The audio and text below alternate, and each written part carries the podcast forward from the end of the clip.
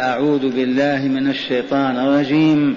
يا أيها الذين آمنوا أنفقوا مما رزقناكم من قبل أن يأتي يوم لا بيع فيه ولا خلة ولا شفاعة والكافرون هم الظالمون. والآية الثانية آية الكرسي. الله لا إله إلا هو الحي القيوم. لا تأخذه سنة ولا نوم. له ما في السماوات وما في الأرض. من ذا الذي يشفع عنده إلا بإذنه؟ يعلم ما بين أيديهم وما خلفهم ولا يحيطون بشيء من علمه إلا بما شاء. وسع كرسيه السماوات والأرض. ولا يؤوده حفظهما وهو العلي العظيم. سبحانه لا إله إلا هو. مع ذلكم النداء يا أيها الذين آمنوا لبيك اللهم لبيك. الحمد لله أن نادانا ربنا. اتدون كيف تأهلنا حتى أصبحنا ينادينا الجبار عز وجل. ما تعرفون؟ لأننا بنو هاشم بنو تميم أتراك. كيف تأهلنا حتى أصبحنا ينادينا ربنا؟ تأهلنا لذلك بالإيمان به وبكتابه ورسوله ولقائه. لأن المؤمن بحق حي يسمع النداء ويجيب. والكافر ميت لا يسمع نداء ولا يجيب. إن أمر أن يفعل ما فعل وإن نهي أن لا يفعل ما انتهى لأنه في عداد الموتى فيكم من يرد علي هذه النظرية. إنك لا تسمع الموتى ولا تسمع الصم الدعاء إذا ولوا مدبرين الروح هي الإيمان. إن وجدت الروح في الجسم حية. الأذن تسمع العين تبصر اللسان ينطق اليد تأخذ وتعطي الرجل تمشي وتسعى. خرجت الروح ماذا لا العين تسمع ولا الأذن لا العين تبصر ولا الأذن تسمع. أليس كذلك؟ قولوا برهن دلل. الجواب أن أهل الذمة من أهل الكتاب من اليهود والنصارى وما قيس عليهم من المجوس. يعيشون تحت رايتنا وفي ظل دولتنا الإسلامية ونحن نصلي وهم لا يصلون ونحن نزكي وهم لا يزكون ونحن نصوم وهم لا يصومون ونحن نرابط وهم لا يرابطون ونحن نجاهد وهم لا يجاهدون ولا نأمرهم أبدا وإن كنا حاكمين لهم قادرين على الأمر والنهي. لم ما أمرنا الله بأمرهم ونهيهم؟ قولوا أموات انفخ الروح فيه إذا حييا وقال أشهد أن لا إله إلا الله وأن محمد رسول الله. حينئذ كلفه فإنه قادر على أن ينهض بكل تكليف. أما ميت تكلفه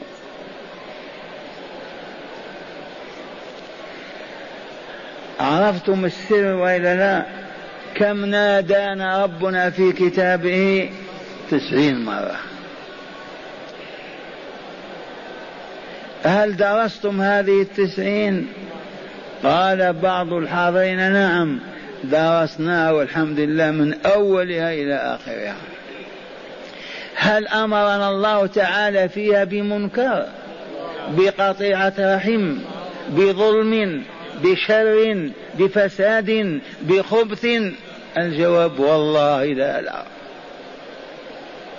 أمرنا بفعل ما من شأنه أن يزكي نفوسنا ويطهر أرواحنا لتصبح أهلا لأن تنزل الملكوت العلاء نهانا عن أشياء من شأنها تخبيث. نفوسنا وتدسيتها وتلويثها فتقعد عن العروج إلى السماء وتنزل إلى الدركات السفلى في عالم الشقاء. بشرنا بما يزيد في طاقاتنا وقدراتنا على فعل الصالحات وترك المحرمات.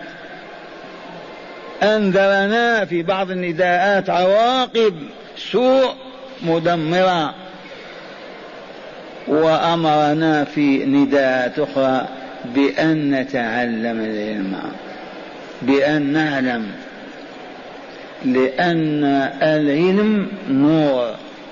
فالجهال هم الذين يقعون في أودية الخبث والشر والفساد لأنهم ما يبصرون يمشون في الظلام. أما العالمون أصحاب النور هل رأيتم مبصرا ذا بصيرة يمشي ثم يغمس نفسه في بركة في الخرع العذرة والبول الغائط محاش ما كان. والذي لا يبصر يقع فيها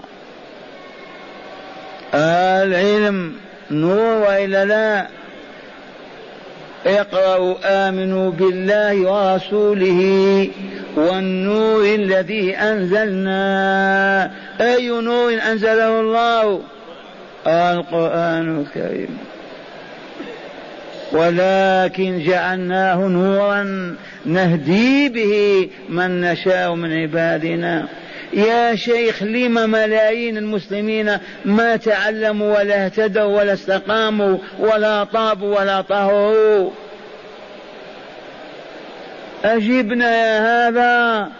الجواب والله ما اجتمعوا على تلاوة كتاب الله ودراسته. أزيد أحلف وإلا لا؟ ما يحتاج. لو أن أهل القرية في قريتهم أهل الحي في حيهم إذا مالت الشمس إلى الغروب تركوا العمل وحملوا نساء وأطفالهم إلى بيوت ربهم يجلسون كما نحن الآن جالسون ليلة آية وأخرى حديثا الكتاب والحكمة طول الحياة يبقى بهم جاهل وإلا فيهم جاهلا يبقى والله ما يبقى. لأن الله أعلمنا أنه يهدي بهذا الكتاب. وإذا انتفى الجهل ما الذي يحل محله؟ العلم. هل رأيتم أعلم رجل في بلادكم يزني؟ يا لوط يشتغل في بنك ربوي. يسب المسلمين ويشتمهم يختلس أموالهم. ها؟ هاتوا. لما؟ لأنه أصبح ذا نور. فكل الذي تشكوه البشرية جمعاء من الظلم والشر والفساد والخبث مرد إلى جهلها ما عرفت ربها فلما ما عرفته ما أحبته ولا خافته وإذا لم يحب العبد ربه ولم يخافه يستقيم. ترمي شهوته حتى يضج بأمه.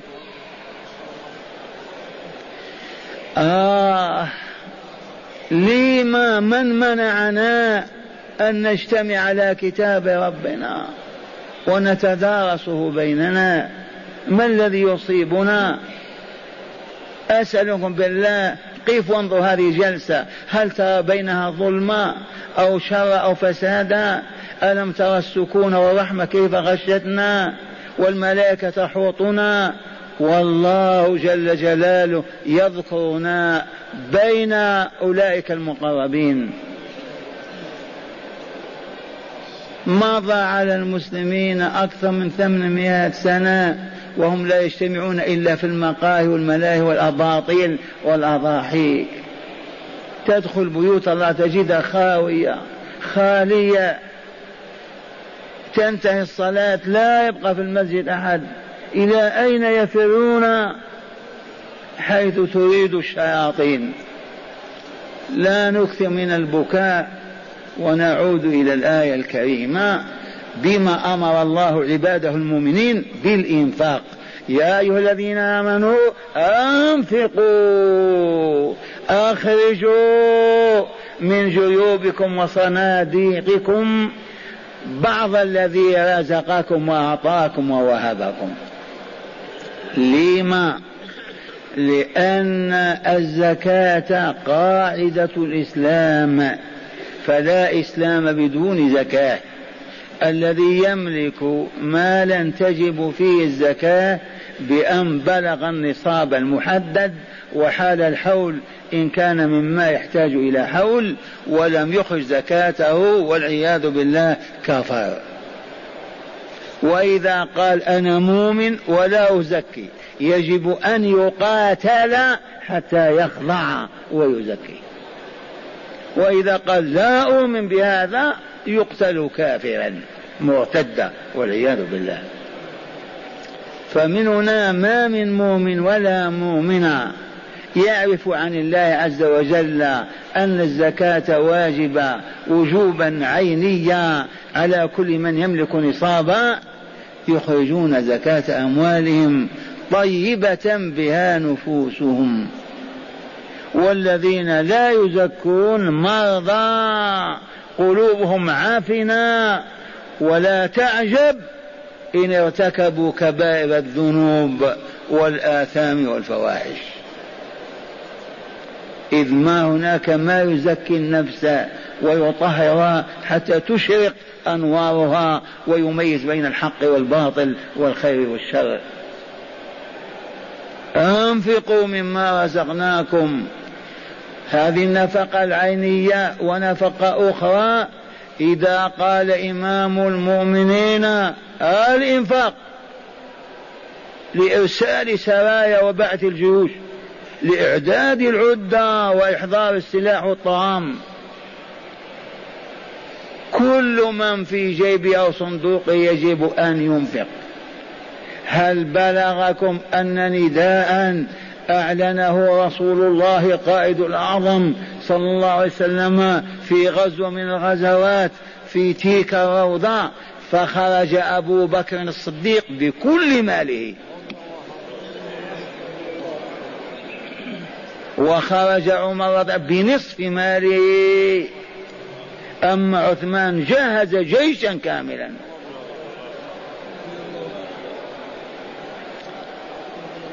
اي نعم. والحمد لله لما بدأ الجهاد في ديارنا الجزائرية لطرد فرنسا والكافرين وأصبحنا نجمع الأموال في هذا المسجد كل جمعة.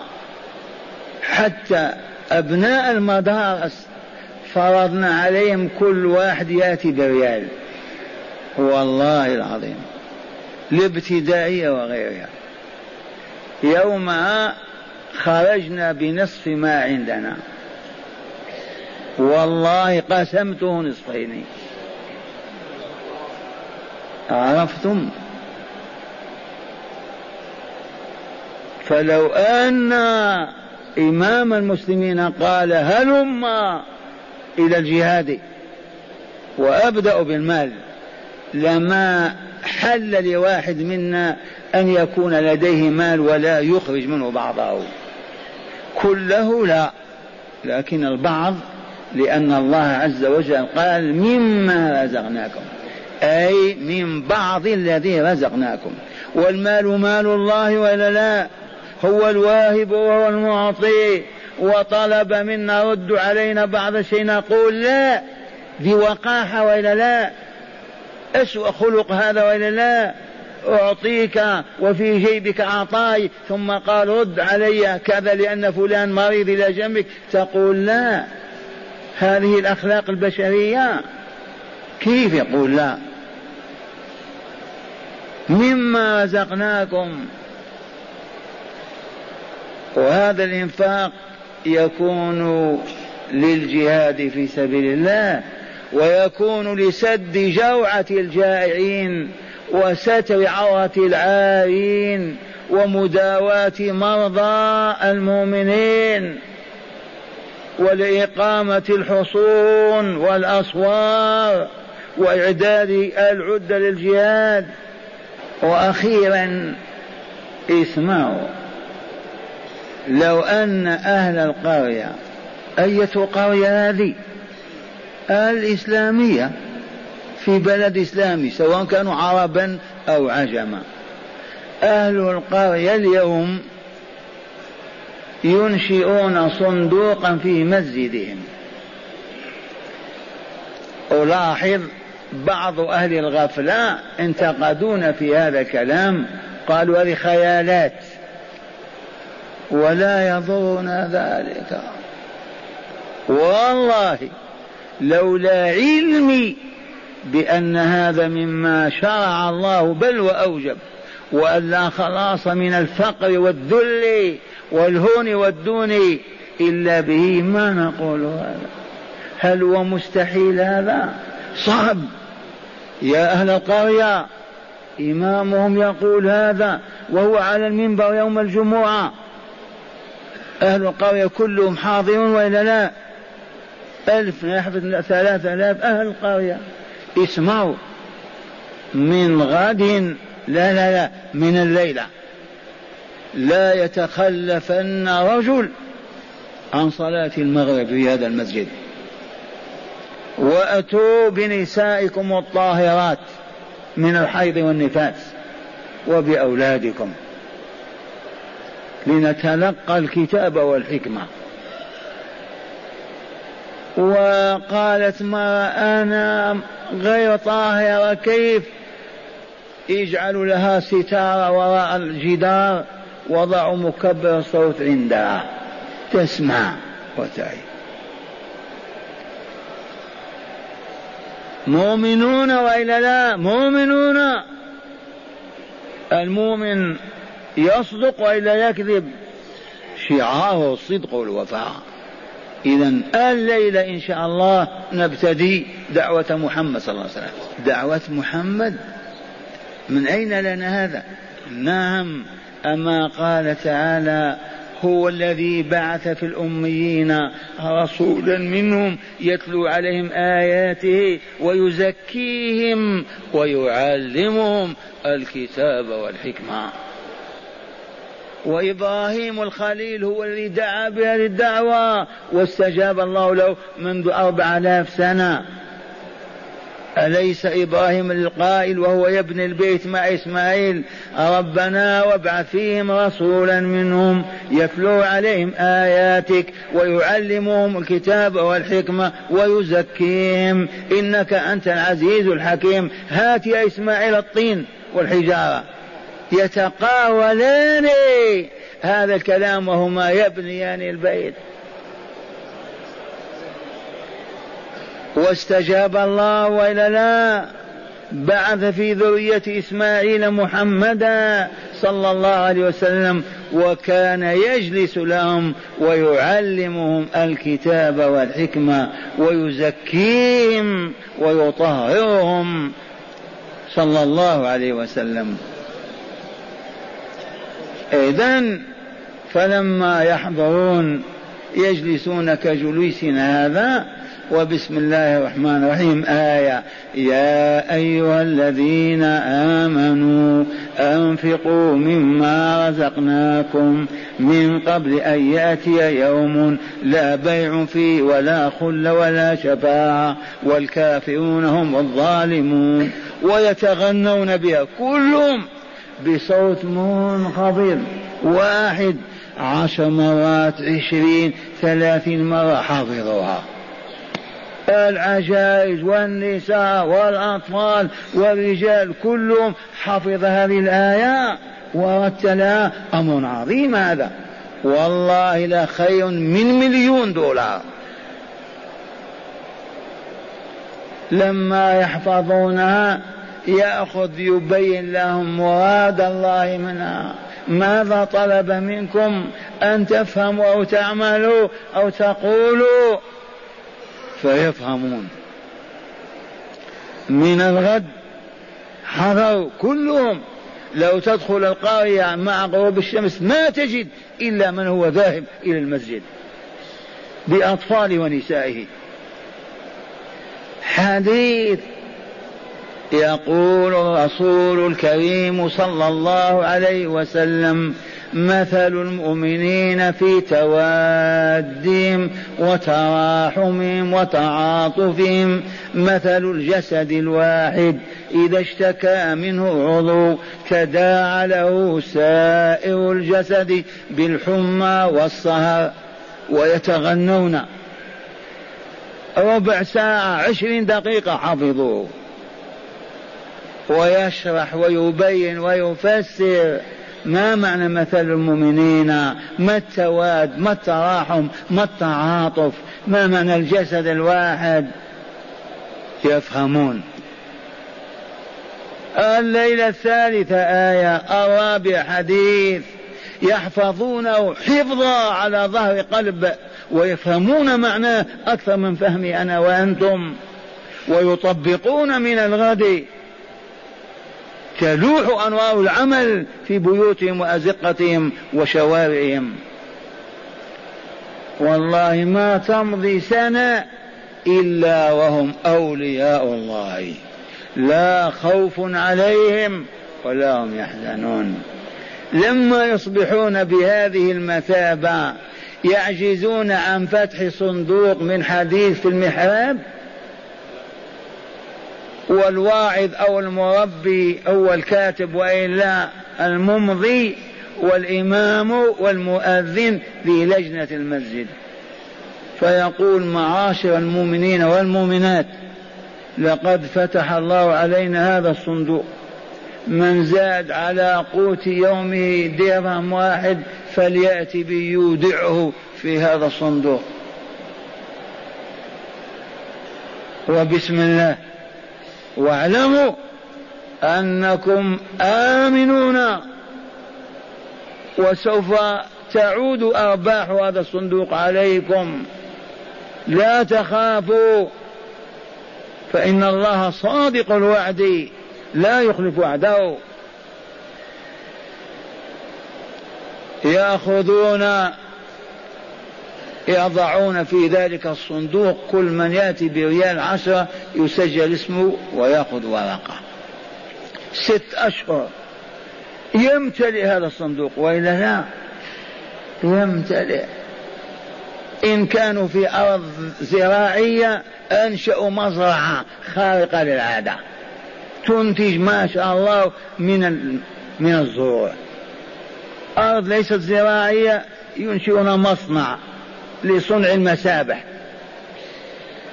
مثلا أو النظارات. وينتظم ذلك العمل ويباركه الله عز وجل. لا ما تمضي سنة إلا وامتلأ ذاك الصندوق. إذا واللجنة الخاصة بالمسجد تعرف أهل الحي أو القرية تعرف المريض.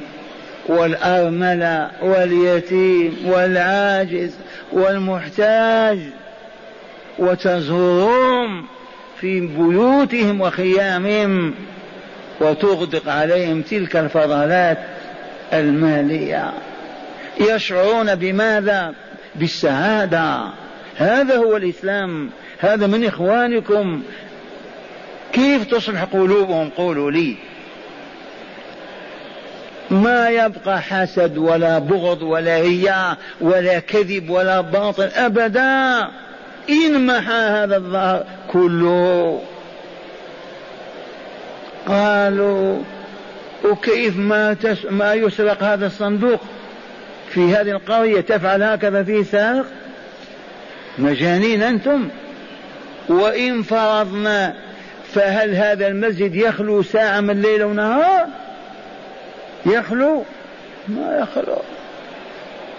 عزابنا من شبيبتنا يبيتون في المسجد ركعا وسجدا.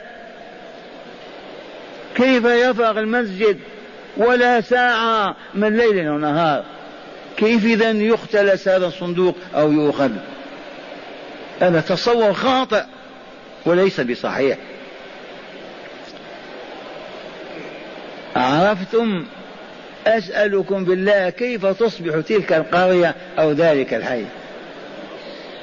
كيف؟ لا يوجد من يتأخر عن صلاة.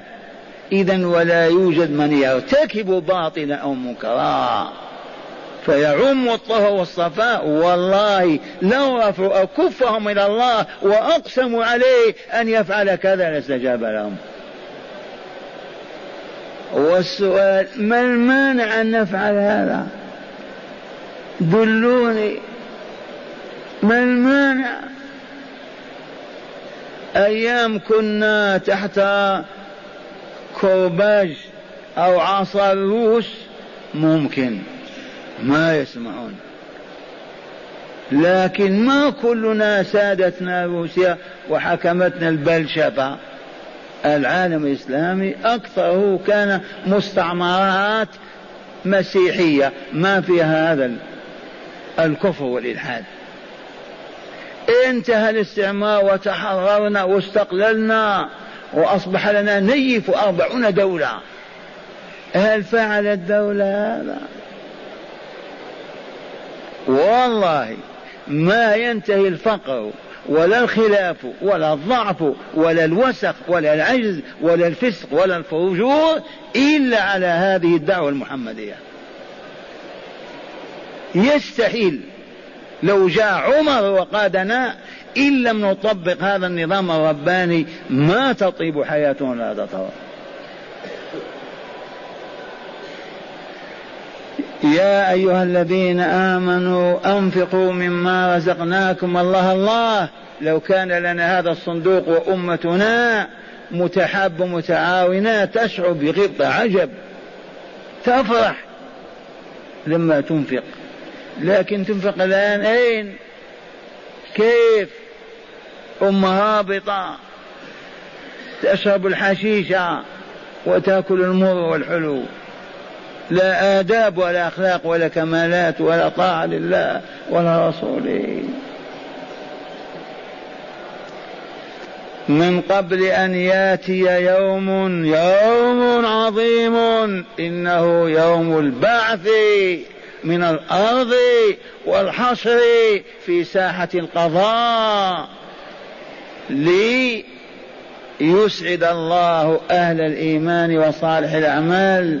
أهل الأرواح الزكية والنفوس الطاهرة ويشقي ويردي ويخسر أهل القلوب المنتنة والأرواح الخبيثة الفاسدة من جراء الإجرام والظلم والفسق والعصيان. والله لا يتمن هذا. بالحرف الواحد. من قبل أن يأتي يوم لا بيع فيه أبدا. تبيع ماذا؟ عندك بقرة تبيعها؟ عندك دار تبيعها؟ إيش تبيع؟ تبيع نفسك فيك من يشتريك. لا دينار ولا درهم لا بيع ولا خلة والخلة المودة والحب والصداقة. ينفع يومئذ هذا حبيبي؟ ما ولا شفاعة. في من يقول يا ربي أدخل هذا الجنة. يا ربي عجل بحساب هذا. والله ما ينطق بها واحد. ولا يستطيع أحد أن يقولها. ما بلغنا أمسي أن الله في ذلك اليوم يغضب غضبا. لم يغضب قبله ولا بعده مثله. آدم ما استطاع أن يكلم الله. فحول البشرية إلى نوح. نوح حولهم إلى إبراهيم إبراهيم إلى موسى موسى إلى عيسى عيسى إلى محمد صلى الله عليه وسلم. فقط يقول ربي احكم بين عبادك طال الموقف وامتد الوقت. ما استطاع. ورسول الله صلى الله عليه وسلم بالوعد الصادق الذي وعده الله ومع هذا والله ما قال يا ربي احكم بين عبادك. قال آتي فأخر ساجدا تحت العرش ويلهمني ربي محامد أحمده بها لا ندري كم ساعة أو يوم أو دهر حتى يقول لي محمد ارفع راسك واسأل تعطى واشفع تشفع. وفي آية الكرسي من ذا الذي يشفع عنده إلا بإذنه؟ إذا عجلوا بالإنفاق. آه لو كان هناك صندوق البر والإحسان والطهر والصفاء والمودة والإخاء نقسم غداءنا قسمين وعشاءنا. أنفقوا مما رزقناكم من قبل أن يأتي يوم لا بيع فيه ولا خل ولا شفاعة والكافرون هم الظالمون. الكافرون لنعم الله. أعطاهم الله الأموال ففسقوا بها وفجروا وكادوا بها للمؤمنين وحاربوا بها الصالحين. أنفقوها في الحشيش والخمور والباطل والشر والفساد. هؤلاء هم الظالمون ولا لا؟ هؤلاء جاحدون للنعمة؟ إذا هم الكافرون هم الظالمون. لأن الظلم حقيقته وضع الشيء في غير موضعه هذه حلقة ذكر ولا لا؟ لو يقوم مجنون يدخل أصبعيه في أذنيه ويغني يا ليلى. يجوز هذا؟ هذا موضع اغاني هذا؟ ظلم هذا ولا لا؟ ظلم. يجي واحد بعد بعد. أفسح. ويدان في الحلقة. هذا مكان النوم هذا. هذا ظلم ولا لا؟ هذا هو الظلم وضع الشيء في غير موضعه. يأتي عند باب المسجد ويشمع على ثيابه يخرع هذا ظلم ولا لا؟ وضع الشيء في غير موضعه. فالذي أعطاه الله المال لينفقه في رضائه وفيما يريد الله تعالى منه فيعاكس وينفقه ضد الله عز وجل. أي كفر أعظم من هذا؟ لهذه النعمة. والدليل على أن الكفر كفر النعمة قول الله عز وجل وإذ تأذن ربكم أعلن لئن شكرتم لأزيدنكم ولئن كفرتم إن عذابي لشديد. ما قال يسلب النعمة فوق السلب بل آخر. هل عرف المسلمون هذا؟ من أين يعرفونه؟ ما داموا لا يجتمعون ليل ولا نهار طول أعمارهم على كتابه والسنة كيف يتعلمون؟ يوحى إليهم مستحيل. إذا عرفتم هذا النداء ماذا يحمل؟ عرفتم ولا لا؟ أولا إذا دعا داعي الإنفاق أنفق يا عبد الله وبخاصة الزكاة لا تتردد. ثانيا اعرف قيمة هذا اليوم الآتي. اعمل له زكي نفسك وطهرها وطيبها حتى تقبل في الفراديس العلى وإلا ترفض وتنزل إلى أسفل الكون إلى سجين. اعمل قبل أن يفوت الوقت. واعلم أن من كفر نعم الله كمن كفر بآيات الله وشرع الله وولي وأنبياء الله ورسله ظالم. إن شاء الله أخذنا نصيبنا من هذه الآية. الحمد لله.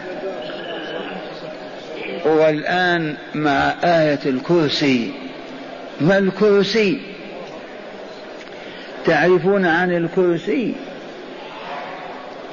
الكرسي يقول تعالى فيه في هذه الآية المسماة به وسع كرسيه السماوات والأرض.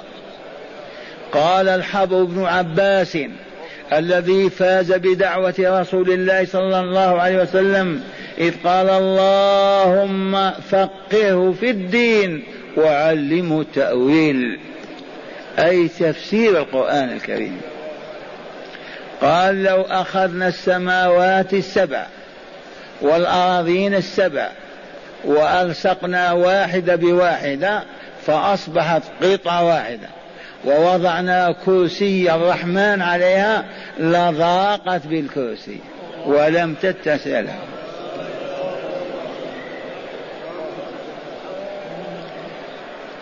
ونسبة الكرسي إلى العرش الرحمن على العرش استوى.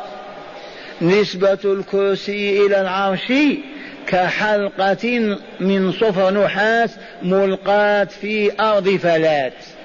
ما نسبة هذه القطعة من النحاس في صحراء سيبيريا؟ هذا نسبة الكرسي إلى العرش. قولوا آمنا بالله.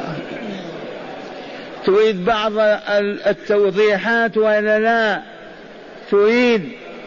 هذا جبريل عليه السلام والله العظيم تجلى لرسولنا في مكة بعد ما تركه في غار حراء فسد الأفق كله بأجنحته الستمائة جناح أين يذهب بعقولنا ويقول الرسول الكريم صلى الله عليه وسلم أذن لي أن أحدث عن ملك رأسه ملوية تحت العرش ورجلاه في تخوم الأرض السابعة. يا شيخ هذه غيوب ما نعرف. تعالوا أعرفك. تعرف كوكب الشمس ولا لا؟ أو ما عندكم شمس؟ في كوكب الشمس ولا لا؟ هذا الكوكب أكبر من الأرض بمليون مرة ونصف مليون. ما هي نظرية المعاصرين؟ هذه كلمة قديمة من آلاف السنين. الشمس هذا الكوكب النهاري يحمل هذه الطاقة وهذه الحرارة. أكبر من الأرض هذه الكرة مليون مرة وزيادة. من أوجد هذا الكوكب؟ من كوكبه؟ من ملأه بهذه الحرارة وهذا النار؟ آمنا بالله. آمنا بالله. أين هذا الكوكب؟ من كواكب لا يحصي عددها إلا الله عز وجل. الله خالق كل شيء. ومن ادعى الخلق يتفضل ليضحك عليه العقلاء. من هذا؟ الطبيعة مسخ هذه من أمساق العقول والطبيعة من طبعها والحركة الدافعة من دفعها. أوهام وأباطيل وترهات. السماوات السبع اختاق رسول الله صلى الله عليه وسلم. سماء والله بعد سماء حتى انتهى إلى سدرة المنتهى عندها جنة المأوى. هذا الرائد الأعظم صلى الله عليه وسلم. ومادينا وشطحاتهم طاه وصلنا إلى القمر. كذا. إيه. وأصلوا القمر. وصفقنا نحن التائهون الضيع. والشيخ شيخكم يقول لا. اسمعوا. لا تقول ما وصلوا ولا تقول وصلوا. جائز أنهم يكذبون. كفار. كيف تقول وصلوا؟ ما تستحي. عندك علم أنت. ويغضب أهل الحلقة. ونحن في فتوتنا نقول لما نصفق نحن العرب المسلمين لانتصارات أعدائنا؟ عدوك انتصر هذا الانتصار وحقق هذا الكمال تصفق له أنت ما عندك ضمير وإلا اجحده لا تعترف به. أو ما فهمتم هذه اللغة أيضا؟ عدوك ما تفرح بانتصاراته إن كنت عاقلا. اخفيها غطيها كذبه ليبقى إخوانك وبلادك على مكانتهم. نحن لا. والله إذاعات العرب والمسلمين صفقوا وتاؤوا في هذه أكثر من إذاعات أمريكا وروسيا. فنقول سبحان الله. أين العقول وأين القلوب؟ وشاء الله أن نعثر على مجلة في بلاد المغرب. تنقل عن مجلة صينية. الصين كانت هي القوة الثالثة. ما هي مع الرأسماليين ولا البلشفيين. فوالله يقولون لأهل الصين هذه كلها خرافات. ما هي إلا تنويم مغناطيس للشعوب. ما وصلوا القمر ولن يصلوا إليه. هذه كلها تمثيليات أجريت في جبال. سبحان الله. أنا ماذا فهمت؟ قلت يحافظون على معنويات شعبهم الذي يقف أمام أمريكا وروسيا. يحافظون على معنوياته. ما ينهارون أمامهم واقع هذا ولا لا؟ وتمضي عشرات السنين ويصرح زعيم القمر يقول والله أكاذيب ما طلعنا ولا وصلنا كله خرافة تمثيليات في الجبال. منذ سنتين لما العرب ما قالوها ورددوها؟ لا خلي الناس نايمين. هذا الأمريكاني حالف. ماني مجنون قال ما طلعنا ولا يمكن هذا. كلها تمثيليات فقط. لا إله إلا الله. أرأيتم كيف هبطنا؟ اذا آية الكرسي. عرفتم الكرسي الآن ولا لا؟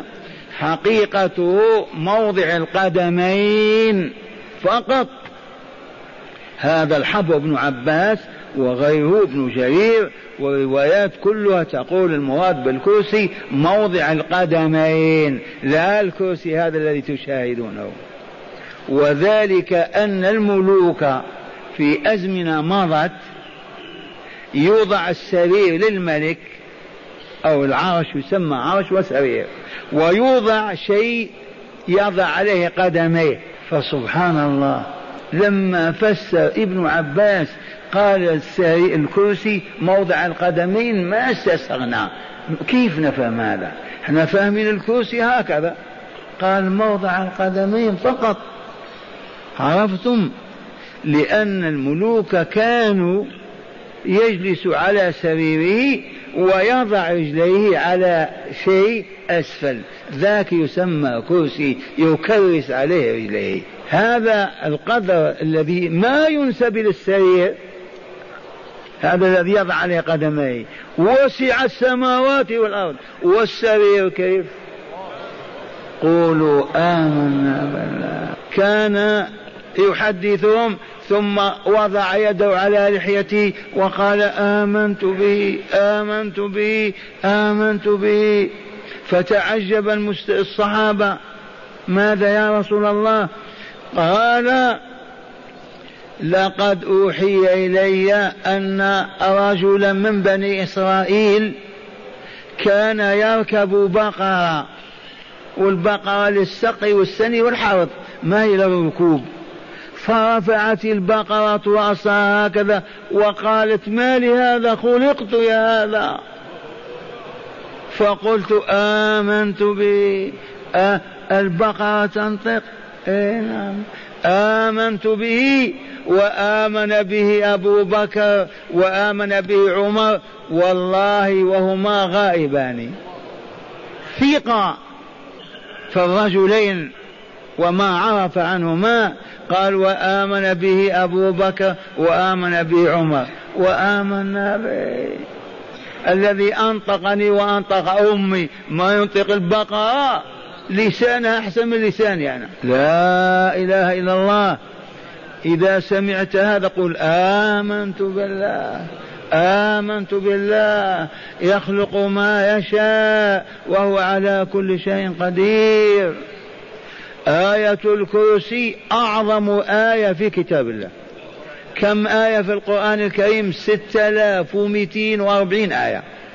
تعرفون هذا ولا لا؟ أو ما أنتم في حاجة إليه؟ ستة آلاف ومئتين وأربعين آية. كل آية معناها علامة على أنه لا إله إلا الله وأن محمد رسول الله. ولن يستطيع ذو عقل أن ينقض هذا. كيف؟ هذه الآية وما تحمل من نور وهدى من صاحبها؟ في من قال أنا كلامي هاتي. كلام الله إذا الله موجود وإلا لا؟ هذا كلامه. والذي نزلت عليه وتلقى من هو هذا؟ محمد وإلا لا؟ إذا فوالله لا رسول الله. فكل آية من الستة آلاف والمئتين وأربعين تدل على حقيقة لا إله إلا الله محمد رسول الله صلى الله عليه وسلم. أعظم آية هي آية الكرسي وذلكم أن النبي صلى الله عليه وسلم سأل كعب أبي بن كعب من حفظة القرآن بين يدي رسول الله صلى الله عليه وسلم. أتدري أية آية أعظم في كتاب الله يا أبا المنذر؟ قال الله لا إله إلا هو الحي القيوم. فضرب النبي صلى الله عليه وسلم في صدره هكذا. وقال ليهنأك العلم يا أبا المنذر. يا ليت ضرب صدري أنا. ولو في المنام. ضرب صدره وقال ليهنيك العلم يا أبا المنذر. أعظم آية في الكتاب. وها نحن عرفناها الآن مجانا. الحمد لله الحمد لله الحمد لله. أعظم آية في الستة آلاف والمئتين وأربعين هي آية الكرسي. إن شاء الله تنسون هذا. لأن ما في دينار ولا درهم. ينسى هذا الكلام. هذه الآية ثبت أيضا عن أبي القاسم صلى الله عليه وسلم أن من قرأها دبر كل صلاة لا يمنعه من دخول الجنة إلا الموت. هو الذي أخرنا. ومتكلمكم ما تركناها من الصبا. من أيام كنا أطفالا ندرس في الكتاب بلغنا هذا ما نتركها نحن نمشي وإلا نجري وإلا لا بد من تلاوتها. تأخذون بهذا أو ما أنتم في حاجة إليه. أعظم آية ما تتحصن بها وتتلوها مع هذه البشرى العظيمة لا يمنعك من دخول الجنة إلا الموت. وإن قلت إذا يا شيخ أنا أزني وأفجر وأقرأ والله ما تقرأها عرفتم ولا لا؟ ما يستطيع ولا يحافظ عليها وهو يجرم كبائر الذنوب والآثام. فمن هنا إذا حافظ عليه عبد معنى أن الله أهله وأعده للطهر والكمال. إذا أخذناها الليلة. ثم الله لا إله إلا هو الحي القيوم. أخبر النبي صلى الله عليه وسلم أن اسم الله الأعظم يوجد في هذه الآية وفي فاتحة آل عمران وهي أعوذ بالله من الشيطان الرجيم بسم الله الرحمن الرحيم. ألف لام ميم. الله لا إله إلا هو الحي القيوم. وآية الكرسي الله لا إله إلا هو الحي القيوم. اسم الله الأعظم في هاتين الآيتين. الله الذي لا إله إلا الحي القيوم. عرفنا الآن نرجو أننا ظفرنا باسم الله الأعظم الذي ما سئل به أحد إلا أعطاه. تبهتم ولا استعاذ بأحد إلا أعاذه. هو في كلمة الله لا إله إلا هو الحي القيوم. يا حي يا قيوم يا حي يا قيوم يا الله وادع واسأل. هذه الآية تعديل ربع القرآن. آية الكرسي إذا تلوت كأنما قرأت ربع القرآن. ربع القرآن كم؟ خمسة عشر حزبا. ستين حزب ربعها كم؟ خمسة عشر. وسورة الزلزلة تعدل ربع القرآن أيضا. وسورة النصر الكافرون ربع القرآن والنصر ربع القرآن والصمد ثلث القرآن.